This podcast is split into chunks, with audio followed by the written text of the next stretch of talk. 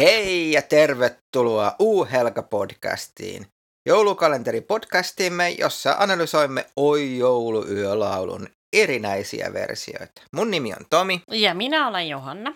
Me ei olla muusikoita eikä musiikkitietäjiä, mutta ei se meitä estä esittämästä erinäisiä mielipiteitä näistä lauluista.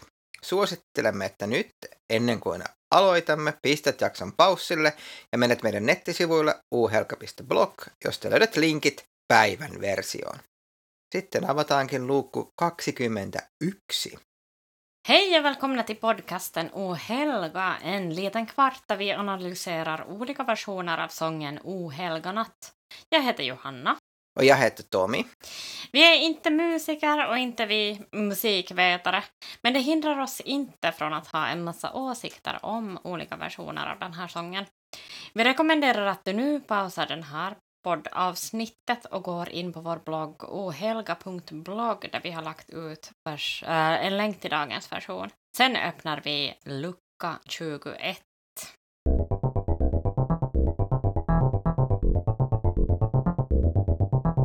Ja siinä oli siis TVX Goon versio Oh Holy Nightista.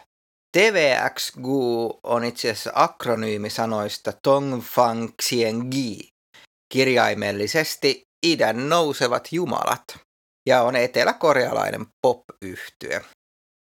Yhtye nousi kuuluisuuteen vuonna 2004 heidän ensimmäisellä singlellään Hug, ja nousi sen jälkeen suureen suosioon ensin Koreassa ja sitten muualla Aasiassa.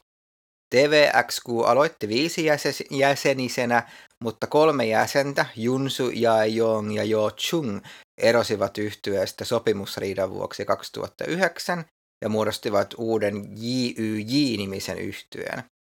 TVXQ jatkoi kuitenkin kaksijäsenisenä Junho ja Changmin ja teki onnistuneen paluun vuonna 2011. Mm-hmm. Yhtiö on esiintynyt lukuisissa mainoksissa ja televisio-ohjelmissa ja TVXQ on ehkä näitä yksi tämän Hallyn eli korealaisen aallon eli K-aallon eli Aasian ja koko maailmankin ylipyyhkinen eteläkorealaisen kulttuurin aallon tärkeimmistä edustajista. Alltså förstår jag det här rätt nu att de är två? De är två, ne on kaksi nyt tosiaan. Okei, okay. Että, spännande. Kyllä, mm. mutta tämä oli laulu muistaakseni, jossa oli koko tämä biisi. Ja tänkte just det. Tämä, on, tämä oli vuodelta varmaankin, koska hän on ollut 2004 tai 2005, jos mä en muista ihan väärin. Okay. Ainakin albumin kuvassa heitä on siinä viisi. Joo. No, oliko tämä nyt sitten tällainen korealainen Backstreet Boys vai jotain ihan muuta? Mitä mieltä olit? No, jag, jag skrev faktiskt här att uh, jag lyssnar på den här versionen mot Backstreet Boys. Jag tycker mm. ju att, att de egentligen gör det lite bättre. Mm. Mm. Vad tänker du? Mm, no, uh, uh, uh, uh, uh, uh. Se oli sellainen akapella poikabändi-versio ja ihan samalla tavalla heti tämä meni sitä, että no, tämä on vähän niin kuin päkkärit. Mm. Ja samalla tavalla, että siis kyllä tämä oli vähän parempi. Mm. Tämä pysyy vähän puhtaampana. Tähän yeah. ei tullut sellaista niin, kuin, niin paljon kaikkea sinne taustalle, mutta olihan tämäkin niin kuin, tosi makea ja mm. siirappinen. Mm. Och det var lite sömnig. Joo, totta. Se oli vähän sen myöhäisen illan Joo. versio. Det är sant. Sitten oli myöskin tällainen niin söpöily mm, parisuhde deittailubiisi, eikä mikä biisi, jossa lauletaan orjista ja Jeesuslapsesta. Nej, precis. Ja, det är sant. Det är liksom... Det, det, det stämmer. Uh, jag har sett, alltså som miljö till den här, så har jag uh, som förslag att man kanske skulle kunna ha det som bakgrund, ba bakgrundsmusik i en inredningsaffär den 23 12 mm. uh, när man håller på och ska just stänga och vill liksom att alla ska gå hem. Loistavaa. Mm. Mm. Joo. Mun mielestä tämä oli tällainen, niin kuin mä olen kirjoittanut, että krumeluu karamelli, sellainen jouluinen, joka kiiltelee ja se paperi, kääräpaperi rapisee, mutta sitten kun sen avaa, niin se on itse asiassa niin kuin aika mitätön se karkki siellä sisällä. Mm, että, mm, mutta Joo.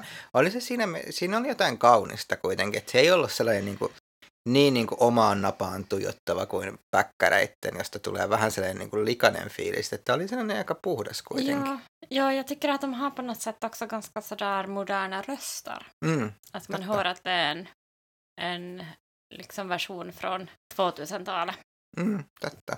Tonen. Sitten hypätään siihen tärkeimpään, eli tuun, tuunen. Tonen.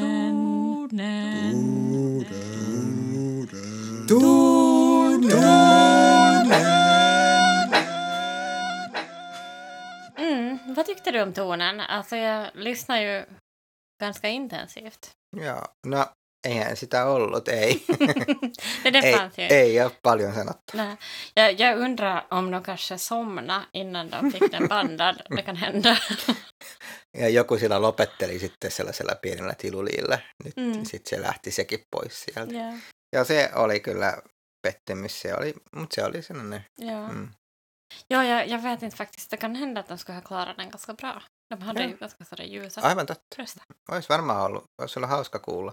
Mm. Ja myöskin sen kohotus, että niillä oli kuitenkin tosi paljon taitoa, että se olisi voinut Mm. tehdä sellaisen, mutta oli vain erilainen versio. Ja, Ja sen takia ei voi antaa kauheasti pisteitäkään.